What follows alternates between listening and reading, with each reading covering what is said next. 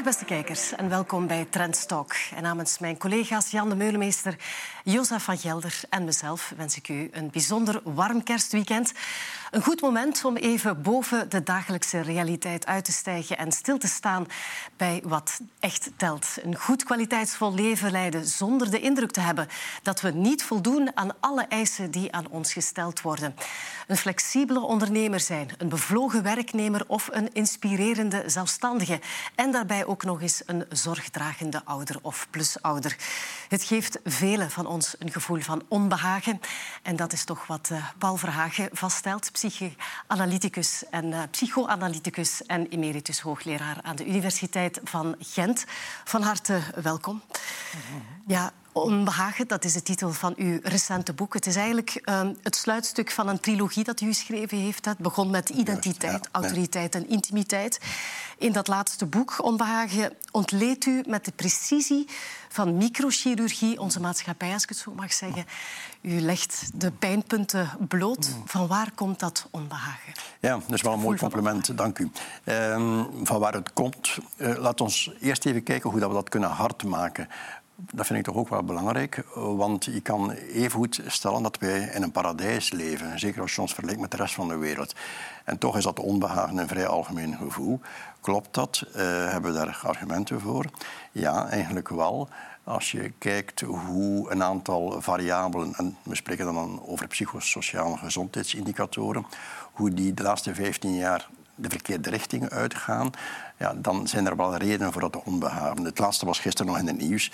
Uh, er is geen enkele plaats voor jongeren met uh, ernstige moeilijkheden in de jeugdzorg. Uh, en dat is al een aantal jaren en het gaat van kwaad naar erger. Dat is zo een van die indicatoren waar je het onbehagen aan kunt afmeten. Ja, in uw boek praat u over een dolgedraaide maatschappij. Wat ja. bedoelt u daarmee? Um, in, in je introductie heb je het gehad over de idealen waar we moeten aan beantwoorden. Vooral duidelijkheid, met idealen is er niks verkeerd. Hè. Ik denk dat ik mijn leven niet, niet had kunnen uitbouwen zonder bepaalde idealen. Je kunt ook niet opvoeden zonder idealen. Het, het probleem of het problematische met onze maatschappij is dat het moeten beantwoorden aan die idealen grenzeloos geworden is. Het is nooit genoeg. Uh, er moet altijd meer zijn. En bovendien moet dat gebeuren binnen een competitieve context. En zelfs, en dat is dan te hek om los te lopen, zelfs in een competitie met onszelf. En dat is een competitie die je nooit kunt winnen. Uh, dus er moet altijd meer zijn. Ja, dan is het niet zo verwonderlijk dat er steeds meer mensen uh, uitvallen. Hè. Ja. U praat ook over dat neoliberale ja. systeem waarin ja. dat we functioneren. Um, hoe kan u uh, dat omschrijven en ja. hoe vergelijkt u dat dan met dat klassieke uh, liberalisme? Uh, ja, die laatste vraag is uh, een onderwerp op zich. Hè. Uh, als ik, ik had even enigszins gechargeerd zeggen. Het neoliberalisme, wat mij betreft, staat haaks op het klassieke liberalisme.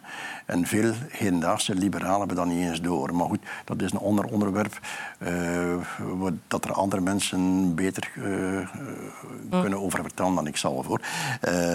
maar wat, wat maakt het dan zo zo fnuikend. Waarom heeft dat geleid tot dat dolgedraaide?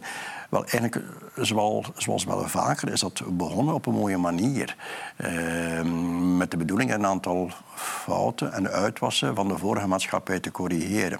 En dan krijgen we vanaf de jaren tachtig eigenlijk twee ideeën, twee idealen waar we ons moeten aanspiegelen. Uh, met name dat we maakbaar zijn uh, en dat we competitieve wezens zijn.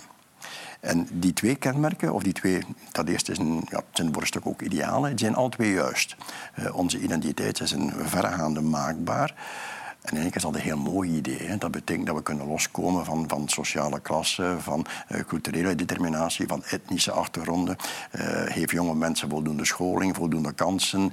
Uh, wat gebeurd is in de jaren 50, 60. Uh -huh. En dan zie je dat die maakbaarheid en die sociale mobiliteit enorm de goede richting uitgaat. Het, het competitief is ook juist. We zijn sociale zoogdieren. En sociale zoogdieren zijn niet alleen maar sociaal, ze zijn ook competitief. En we beleven daar veel plezier aan. We gaan voetballen samen. Uh, en nadien gaan we een pint gaan pakken. En, en, en volgende week voetballen we dan weer. En zoals kinderen spelen. En het, het element winnen zit er duidelijk in. Maar met die twee dingen is iets fout gelopen.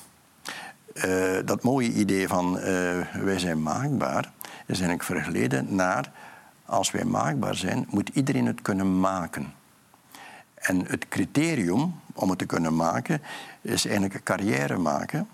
En carrière maken binnen een soort grenzeloze context. En het idee van groei, wat op zich niet verkeerd hoeft te zijn, heeft daar eigenlijk een, een, een, bijna oncologische vorm aangenomen. Want het is een ziekelijke groei geworden. Altijd meer, altijd meer, altijd meer. Terwijl we eigenlijk ondertussen al meer dan genoeg hebben. Mm. En dat competitieve, uh, ja dat is uitsluitend competitief geworden. De, de uh, solidaire context, die ook heel belangrijk is bij sociale zoogdieren, dat zijn we uit het oog verloren en zijn we zelfs gaan ontkennen. Kan dus, ik heb de foto's gezien van Thatcher en van Reagan. Uh, binnen het kielzog van die uh, mensen dook zelfs het idee op dat altruïsme een, een gecamoufleerde vorm van egoïsme was, een uitgestelde vorm van egoïsme. Mm. Terwijl het een, even wezenlijk is als dat competitieve. Ja. Wat is dan het verschil met Adam Smith, die, het, die een klassieke uh, liberaal uh, wordt genoemd. Hè. Um, hij zei, ja, we handelen in eigen belang. En als we dat doen, dan draagt dit bij tot de collectieve welvaart. Waarin verschillen beide visies? Uh, kijk, als je uh, Adam Smith leest, wat vandaag de dag nog nauwelijks gebeurt, dan kun je zien dat hij inderdaad het algemeen belang op het oog heeft. En zelfs het algemeen belang van de natiestaten op dat ogenblik. En dan moet je er ook bij in rekening brengen dat zijn belangrijkste werk eigenlijk niet zo zozeer het fameuze werk was over de onzichtbare hand, maar wel een werk over ethica, over moraalfilosofie, over normen en waarden en hoe je die twee moet... Hij heeft het over de wealth of nations, hè? Ja, ja. ja. en dat zijn we compleet vergeten. Men heeft er één iets uitgehaald, eigenlijk iets wat in het boek niet zo centraal is, dat idee van de onzichtbare hand. En dat is een soort excuus geworden om een doorgeslagen vrije markteconomie alles te laten regelen. En dat kan niet. Welke uitwassen ziet u dan? Uh, lees de krant. Be bedoel, um, Kijk, nu kunnen we natuurlijk de anekdotische toer opgaan en dan een, een aantal uh, voorbeelden geven. Ik heb er zo eentje gegeven, de jeugdzorg. Maar eigenlijk is het veel interessanter van dit wetenschappelijk te bekijken. En uh, dit is eigenlijk al voor de eerste keer aan bod gekomen, kort na 2000. En uh, dan zien we het volgende. Het zijn een aantal Britse uh, epidemiologen die dat naar voren geschoven hebben. Dan zien we het volgende. Een maatschappij waar de sociaal-economische ongelijkheid groter en groter en groter wordt. Daar zien we al die psychosociale gezondheidsindicatoren pijlsnel de verkeerde richting uitgaan. En dat gaat ver hoor. Dat gaat over kinderen die uitvallen over het onderwijs, dat gaat over drugsgebruik, dat gaat over psychiatrische patiënten, dat gaat over het aantal geregistreerde gevallen van huishoudelijk geweld, dat gaat over femicide. Dus al die cijfers zie je de verkeerde richting uitgaan. En die correlatie is zo overduidelijk dat je daar eigenlijk geen speld tegenin kunt brengen. En toen dat in ja, 20 jaar geleden, meer dan 20 jaar geleden, voor het eerst gepubliceerd werd, ja, werd daar eerst weinig op gereageerd en dan werd dat ontkend en werd er daar heel veel kritiek op gegeven. Mm. Tien jaar later wordt dit bevestigd door de OESO, niet direct een linkse club, door het IMF. Die zeggen van, we moeten opletten. Een, uh, een te grote sociaal-economische ongelijkheid is bovendien heel slecht voor de economie. Dus niet alleen voor de maatschappij aan globo, maar zelfs voor het economische model. Ja. Dus dat, dat zijn de bewijsvoeringen. Ja. We zien ook um, een gigantische stijging van het aantal burn-outs. Um, meer en meer mensen krijgen ook of moet ik dan zeggen, vooral de jongeren krijgen een label. Je hebt ADHD Of, uh, of je bent hypersensitief. Er zijn heel veel uh, ja, stempels die kinderen op het voorhoofd geplakt krijgen. En dat is ook een vorm van geruststelling. Want ja, mijn kind beantwoordt niet aan de normaliteit. Is, dat, is dit ook een gevolg daarvan? Uh, je moet het, ja, het is, alles hangt met alles samen. Je moet het ook binnen die complexiteit gaan uh, bekijken. Binnen die maatschappelijke evolutie, waar we het even kort over gehad hebben, uh, wordt identiteit ook iets anders. Identiteit is niet meer datgene wat eigenlijk bij je geboorte vast ligt. Dat was bij onze ouders nog voor een flink stuk zo. Bij onze grootouders was dat helemaal zo. Nee, identiteit is nu iets ja, dat, dat eigenlijk veel vloeibaarder is, waar je zelf ook een aandeel in hebt. Ja.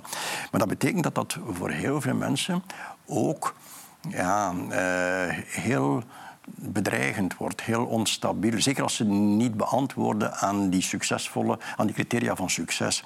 En als je dan je identiteit kunt vastkoppelen aan een label, hoe het dat ook mogen klinken, geeft dat een soort geruststellend gevoel. Uh, en dat, ja, dat is niet de bedoeling van die labels natuurlijk, maar het werkt wel op die manier. Ja. U zegt ook, de, eigenlijk komt heel veel voort ja. uit het feit dat, dat dit chronische stress is die, die, waarmee dat we leven. En dat het niet zozeer een aandoening is eigen aan deze tijd, maar dat het voortkomt uit onze, ja. hoe dat we leven en, en de, de stress die ons opleggen. Ja. Kijk, eh, aanvankelijk, toen ik daar zoveel jaar geleden mijn eerste studies over deed en ook mijn eerste publicaties eh, over naar buiten bracht, eh, legde ik alle accent op de werkvloer. En ondertussen weet ik dat het veel ruimer is dan dat. Onze identiteit uh, en de problemen die daarbij aansluiten en, en, die stressvolle toestanden, die beperken zich niet tot de werkvloer. Dat is uitgevloeid naar alles uiteindelijk. Zelfs in ons uh, ontspanningsleven moeten we presteren. Ook daar, uh, je loopt een marathon, ja goed, uh, je moet er toch een tweede lopen. Uh, misschien moet je eens denken aan een triathlon en, en 10.000 stappen per dag. Nee, nee, het moet er meer. Ik bedoel, altijd meer. in ons relationeel leven ook. Overal die, wordt die perfectie geëist. Wat eigenlijk betekent, als je dat dan combineert met de, de, de prikkers die op ons afkomen, dat wij constant blootgesteld worden aan chronische stress. Privé, professioneel, relationeel, eh, medisch, ons lichaam ook.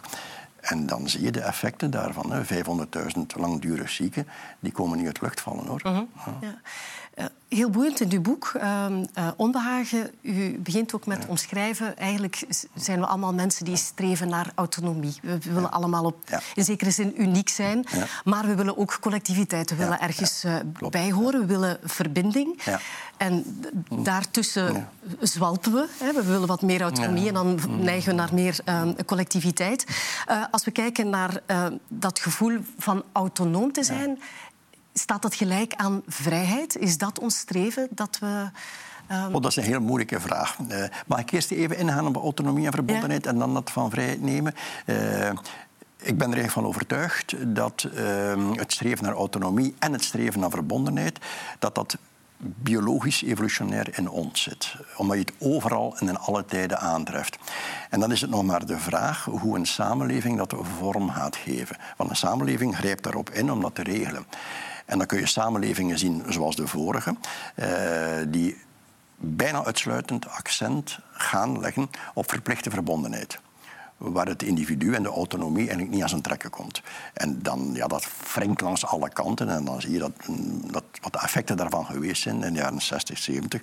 Daar hebben we meer die autonomie opgeëist.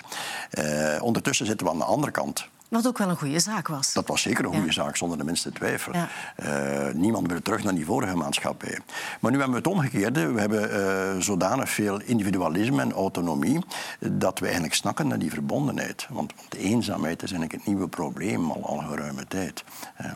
Maar om dat nu te koppelen aan vrijheid dat is een ander paar mouwen, omdat uh, vrijheid, uh, ja, dat zijn zo van die zware begrippen. Hè. Uh, hoe vul je dat in? En vrijheid wordt vandaag heel vaak begrepen als ik wil mijn zin doen. Ja, ja, ik wil mijn ja. zin doen en, en, niemand moet mij daarbij... Dus autonomie is niet hetzelfde als vrijheid? Nee, dat is niet hetzelfde. naar vrijheid. En als je daar even over nadenkt bij een dergelijke invulling van vrijheid, dan zie je heel snel dat dat botst op de vrijheid van de ander. Want die ander wil ook zijn zin doen. Uh, en ik wil mijn zin doen. En als die twee niet met elkaar uh, overeenkomen, ja, wie kan er dan zijn zin doen, denk je? Mm. Diegene met het meeste macht. Hè? Dus dat betekent dat vrijheid daar eigenlijk de, de wet van de sterkste wordt. Mm. En dat is geen vrijheid. Hè? Zeker niet. Maar die collectiviteit, als we die afwegen ten opzichte van dat ja. streven naar autonomie, ja die collectiviteit, als we nu kijken hoeveel dat we online werken en ook zeker de jeugd van tegenwoordig, die zoveel eigenlijk toch wel connectie heeft met, uh, met andere mensen op een andere locatie. Kan dat dat wat vervangen, die collectiviteit, het gevoel van collectiviteit? Of ziet u vervangen dat niet. Wel, uh... het is een uitbreiding. En op zich uh, is het potentieel een, een hele mooie uitbreiding. Hè? Die, die, die, die, mogelijkheid om in verbinding te treden met mensen op andere plaatsen. ik herinner mij dat mijn, mijn, mijn, jongste zoon op de leeftijd van 14 zat al te chatten met, met, met kinderen in weet ik veel waar ter wereld. En, en te gamen natuurlijk ook. Dus op zich is dat potentieel een goede uitbreiding. Maar het kan nooit een vervanging zijn. Daar hebben we ondertussen al voldoende studies uh, voor. Uh, het, het, het, het, echte contact. Ja, om, om het eigenlijk heel biologisch uit te drukken, wij moeten iemand kunnen ruiken. Uh, we moeten iemand kunnen zien in het driedimensionele. We moeten iemand kunnen aanraken. Niet dat we dat daarom moeten doen, maar die mogelijkheid moet er zijn voor dat reële contact. En die, die uitbreiding via de virtuele wereld kan ons daarbij helpen, maar kan het nooit vervangen. Mm -hmm. En ja, wat je nu vandaag ook ziet op de sociale media, dat zijn geen uitwisselingen meer. Hè. Dat is iets anders, dat is polarisatie.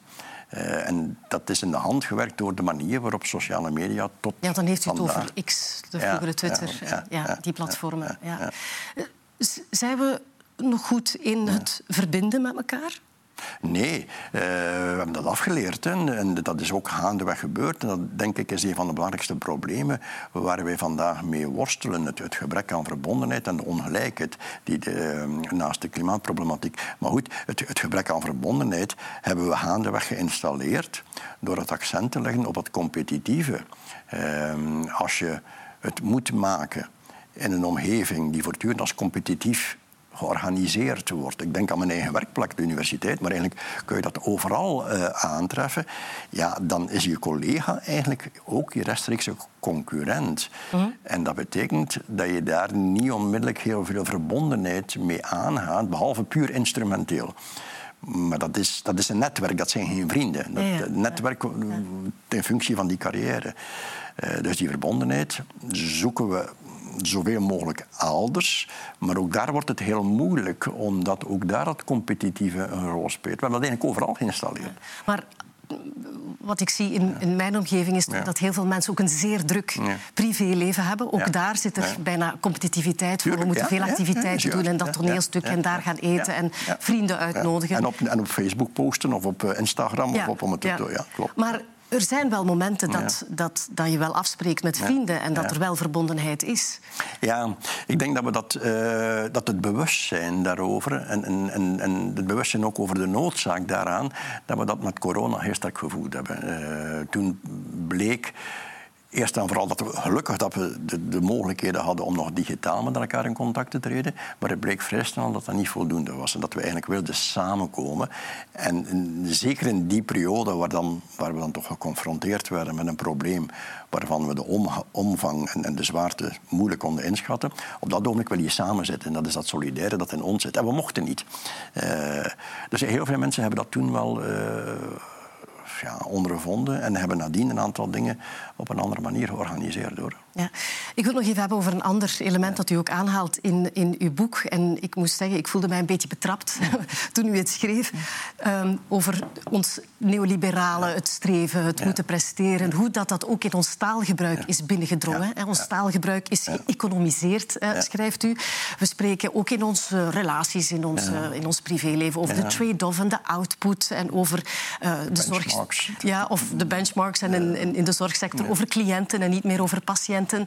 Um, komt dit ook voort uit inderdaad dat neoliberale gedachtegoed? En wat is het gevaar dat die terminologie binnendringt in ons privéleven? Het, het eerste, op uw eerste vraag, ja, dat komt daaruit. Dat heeft te maken met de mondialisering van een bepaald economisch model uh, en de dominantie daarvan. Eigenlijk is alles tegenwoordig economie geworden.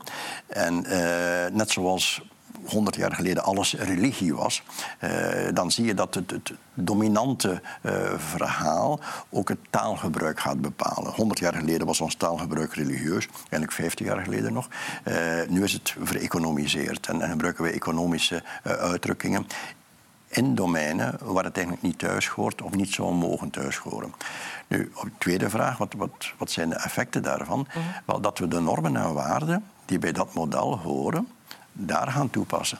een relatie moet opbrengen? Wat is bijvoorbeeld, dat, is, dat, is een, dat denk ik is het meest ja. de, de, duidelijkste voorbeeld. Natuurlijk wil een bedrijf winst maken, dan moet het opbrengen, moet je kostenbatenanalyse maken.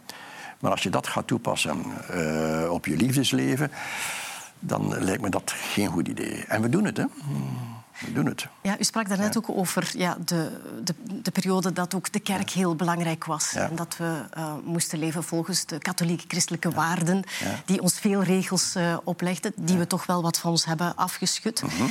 Die secularisering heeft hier ook bijgedragen dat we mm. meer, want eh, daar straks spraken we over autonomie en verbondenheid, dat we meer hebben ingezet op die autonomie, op ons eigen ik. Het maakt er deel van uit, maar ik denk dat het te kort door de bocht is om te zeggen dat wat we nu meemaken alleen maar een gevolg is van het verlies van religie. Want als je het zo definieert, dan definieer je meteen ook de oplossing. Hè. Dan is de oplossing terugkeren naar religie. En ik denk niet dat dat een goed idee is. Uh, maar het, die verandering heeft er natuurlijk mee te maken, omdat in de jaren 60, 70 uh, de, de, de, de verplichte verbondenheid en het gebrek aan autonomie heel sterk te maken had met het, het, het katholieke klimaat in, in, in meerdere van de West-Europese landen. En dat moest eerst weg, uh, vooraleer we die autonomie toch een stukje konden verwerven op het vlak van het lichaam, op het vlak van man-vrouw verhoudingen, op het vlak van zorg, uh, noem maar op. Mm We leven natuurlijk in een maatschappij waar bijna alles draait rond groei. Ja. Um, u schrijft ook, dat is eigenlijk niet altijd zo geweest. U zegt ja. wel, ja, bedrijven uiteraard willen wel groeien en willen hun, hun, producten verbeteren. Wel. Um, is dit nog terug te keren? Is die klok nog terug te keren, denkt u? Dat is denk ik de vraag van uh, niet 1 miljoen, maar van 1 miljard. Uh, het antwoord is dubbel. Hè. Uh, het, het zal moeten. We kunnen niet anders. Maar het, het, voor zover ik daar zicht op heb, ik ben geen econoom, voor zover ik daar zicht op heb, is er niemand die weet hoe dat we het moeten doen. Wel meer en meer economen spreken ook over wel, de term die nu gebruikt wordt is degrowth. Ja. Maar dat is nogal een beladen term. Men spreekt nu ook over omgroei. Maar men is er wel van bewust. We leven natuurlijk maar op één aarde. En daar zijn beperkingen. Ja. Um, maar kijk, eh, nogmaals, ik ben geen economist. Hè, maar kijk, als we nu... Uh, nemen nu groei puur economisch. Het is duidelijk dat bepaalde gebieden in de wereld nog economische groei nodig hebben uh, om een, een, een, acceptabel niveau van welstand te bereiken. Uh, wij hebben dat al bereikt, denk ik, ik sla er nu naar 1980, misschien ietsje vroeger, ietsje later. Al daarna wat erbij gekomen is, hadden we eigenlijk niet echt nodig. Maar die groei was nodig binnen dit economisch model. Want uh, zekere bedrijven die beursgenoteerd zijn, moeten dividenden uitkeren. Dividenden hangen af van de groei uh, enzovoort. Dus dat, is dan een, een, structurele noodzaak voor die bedrijven binnen die gedeeltes van de wereld, uh, waar groei eigenlijk op zich niet meer bijdraagt tot welzijn. Maar als we nu nog ietsje fundamenteler gaan kijken, we kunnen er niet omheen dat uh, de klimaatverandering en, en, de effecten op het milieu, dat dat gevolgen zijn van een uit de hand gelopen economische groei. Ja. En als je nu even. En voor mij was dat, dat is echt... bij uitstek een collectief probleem. Ja, en dat was voor mij echt een verrassing. Als je nu gaat kijken wat de effecten zijn van 3% economische groei. En volgens een aantal economen die ik gesproken heb, is 3% iets wat nagestreefd wordt. Het effect daarvan is een verdubbeling op 20 jaar tijd van alles. Een verdubbeling aan energieproductie, energieverbruik, materiaalextractie, transport, mhm. consumptie. Maar dat kunnen wij gewoon niet meer aan, uh, een verdubbeling op 20 jaar. En dan is de grote vraag van, maar goed, hoe gaan we dan een ander economisch model gaan denken? Ik denk dat je daar andere mensen voor gaat moeten uitnodigen. Ik, ik kan dat antwoord niet geven. Het enige wat ik kan zeggen is, we staan voor een blok, we kunnen niet anders. Ja. En dat is dan harde wetenschap. Economie, net zoals psychologie, maken geen deel uit van de harde wetenschappen. Klimaatwetenschappen wel alle voorspellingen komen uit met die verstande dat het vaak sneller gaat dan voorspeld. Mhm. We staan voor een blok. Ja. Als we het hebben over die ongebreidelde groei, dat is één zaak. Mhm. Maar u schrijft ook, het probleem zit voornamelijk bij de toenemende ongelijkheid. Ja, dat is dan het, uh, datgene waar we daar straks bij begonnen zijn. Hè, waarom het onbehagen uh, zo groot uh, geworden is. Dus die, die onderzoekingen begin 2000 legden eigenlijk het verband tussen die, die toegenomen sociaal-economische ongelijkheid en eh, die negatieve evolutie van een maatschappij. Voor die onderzoekers is er zelfs een kausaal verband. Dat durf ik betwijfelen, maar de correlaties daar kun je echt niet naast kijken. Uh, dat betekent dat we eigenlijk, als we naar een, een, een leefbaardere maatschappij willen gaan, dat we die ongelijkheid moeten doen afnemen. Uh, dat betekent niet dat we naar een maatschappij moeten gaan waar iedereen gelijk is. Dat is onmogelijk. Dat zit ook niet in ons DNA. Dat is alles uitgeprobeerd. Ja. ja, eigenlijk nauwelijks, maar je kunt dat ook niet. Nogmaals, wij zijn sociale zoogdieren. En de groep van de sociale zoogdieren waar wij toe behoren, zijn altijd hiërarchisch. Dus dat haal je er niet uit. Uh, maar er zijn grenzen aan de ongelijkheid. Net zoals er grenzen zijn aan de gelijkheid. En die grenzen hebben we nu heel ver overschreden. Ja. En heeft u een idee voor ogen wat, wat aanvaardbare hmm. ongelijkheid zou kunnen zijn?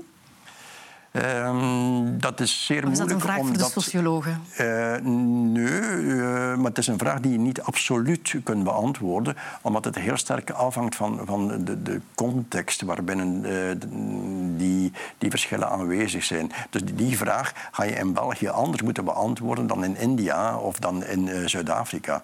Dus je moet iedere keer die, die context in, in de rekening brengen. Ehm, maar, in ieder, sorry, maar in ieder geval, de verschillen die we nu hebben. Uh, zijn op zo'n korte tijd zo gigantisch groot geworden dat het zelfs onethisch geworden is. Mm -hmm. um, wat verwacht u dan van beleid? Schiet beleid, schieten politici tekort?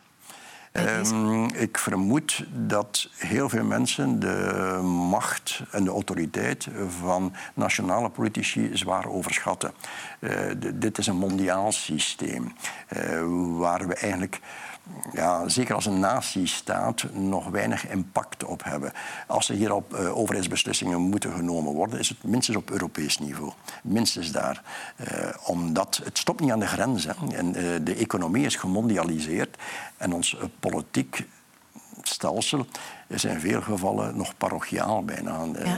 en dat gaat niet. Maar dat maakt het dan toch ontzettend moeilijk. Want ja. wat we ja. eigenlijk nodig hebben, zegt u ook, dat is een system change. Een systeemverandering. Uh, dat is zonder de mensen twijfel. En kan dat? Ja, dat kan natuurlijk. Uh, we hebben het eh, vorige eeuw al meegemaakt en we zijn dat blijkbaar allemaal vergeten. Uh, we hebben het over een maatschappij die systemisch ongelijkheid installeert met al gevolgen van dien. Goed, 100 jaar geleden hadden we eveneens een systeemfout die ook een massale ongelijkheid installeerde voor de helft van de bevolking. En dat waren de vrouwen, en nog ietsje ruimer dan dat. En uh, wat is er dan gebeurd? En je ziet hoe dat, dat ontstaan is. Dat is vertrokken bij een aantal individuen. Dat is dan eigenlijk een liberaal idee. Vertrokken bij een aantal individuen die door hadden dat hun zogenaamde natuurlijke identiteit helemaal niet natuurlijk was, uh -huh. maar eigenlijk bestond uit opgelegde rolpatronen. Uh, die absoluut niet iets waren wat zij wilden en wat hen eigenlijk ziek maakte. En die bewustwording zijn ze beginnen delen met de anderen. En die groepjes zijn groepen geworden. En die groepen is eigenlijk een sociale beweging geworden. En de tweede feministische golf jaren 60, 70 heeft dat systeem veranderd. En veel jonge vrouwen vandaag de dag weten dat niet meer en zijn dat vergeten. Veel mensen weten dat niet meer. Dus een systeemverandering kan. Uh, en het, daar kun je dan ook zien dat het te maken heeft met een identiteitsverandering, met andere sociale verhoudingen. Sociale verhoudingen in dit geval tussen mannen en vrouwen. Ja, dat is democratisch gebeurd. Ja. Als we naar het verleden kijken, dan ja. zijn er ook ja. wel revoluties geweest die een grote systeemverandering hebben uh, teweeggebracht. Ziet u dat nog gebeuren? Uh, ik hoop van niet. Uh, als je de revoluties bekijkt die we meegemaakt hebben, uh, dan is dat niet zo een, een, remedie om aan te bevelen. Hè. De, de, idealen van de revolutie. Tien jaar later blijft er niet veel van over en het, het, kost ontzettend veel mensenlevens. Uh, en ja, na verloop van tijd heeft het wel effect. Hè. Het, is zo de, de het antwoord van de Chinese wijsgeer aan wie gevraagd wordt uh, wat denk je van de Franse revolutie? En die antwoord, het is nog veel te vroeg om daar een antwoord op te geven. We moeten nog een paar eeuwen... Goed, uh, dus dat heeft wel effecten. Maar wat we nu zien... En dat vind ik toch ontzettend belangrijk, is dat de revolutie niet meer op straat gebeurt, maar in de rechtbanken. We hebben dus weer individuen, het vertrekt bij individuen die groepen rond zich gaan verzamelen en die met die groepen naar de rechtbank stappen, eh, in eerste instantie om de overheid aan te klagen op heel specifieke punten. Van daar gaan we niet akkoord. Daar overtreed je de wet. Terwijl dat met de scheiding der machten, we moeten ook de wet volgen als overheid. En je ziet in toenemende mate dat rechtbanken eh, daar durven standpunten in, nemen. En ze hebben gelijk. En dat is wat mij betreft de nieuwe revolutie. En eigenlijk ook een heel belangrijke test, zeker in Amerika. Uh, zal het rechtssysteem overeind blijven?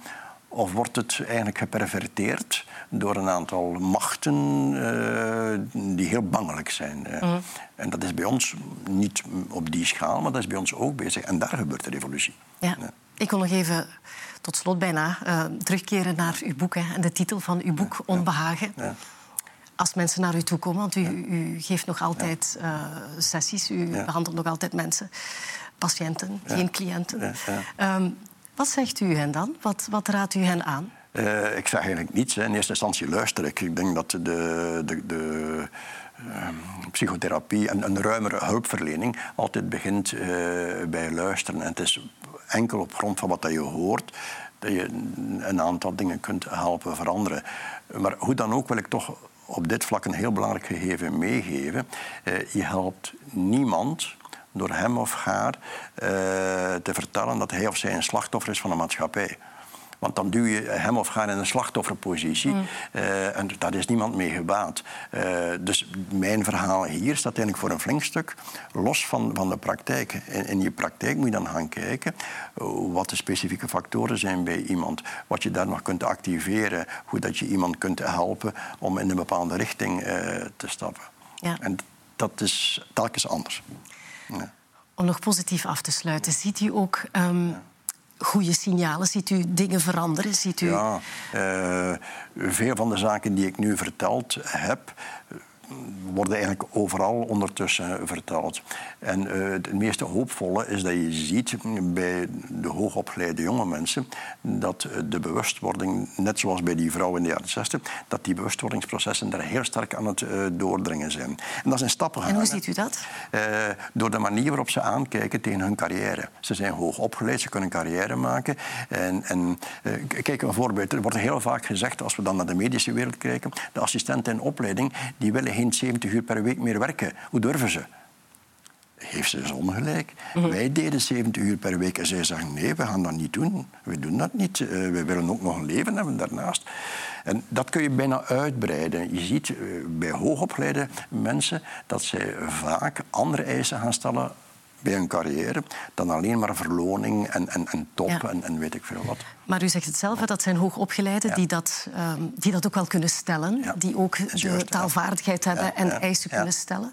Hoe zit het met de andere bevolking? Uh, daar zie je helaas een, een aantal... Uh, ja, gevaarlijke bewegingen. In die zin dat het onbehagen die, dat onderaan nog veel meer gevoed wordt en gekanaliseerd wordt door een aantal politieke partijen, eh, voornamelijk de rechterzijde op dit ogenblik, eh, met grote inductie. En, en, en eh, ja, vroeger waren het de vreemdelingen, nu is het woke, weet ik veel wat. Maar het wordt eigenlijk weggevoerd van de eigenlijke grond van de problemen.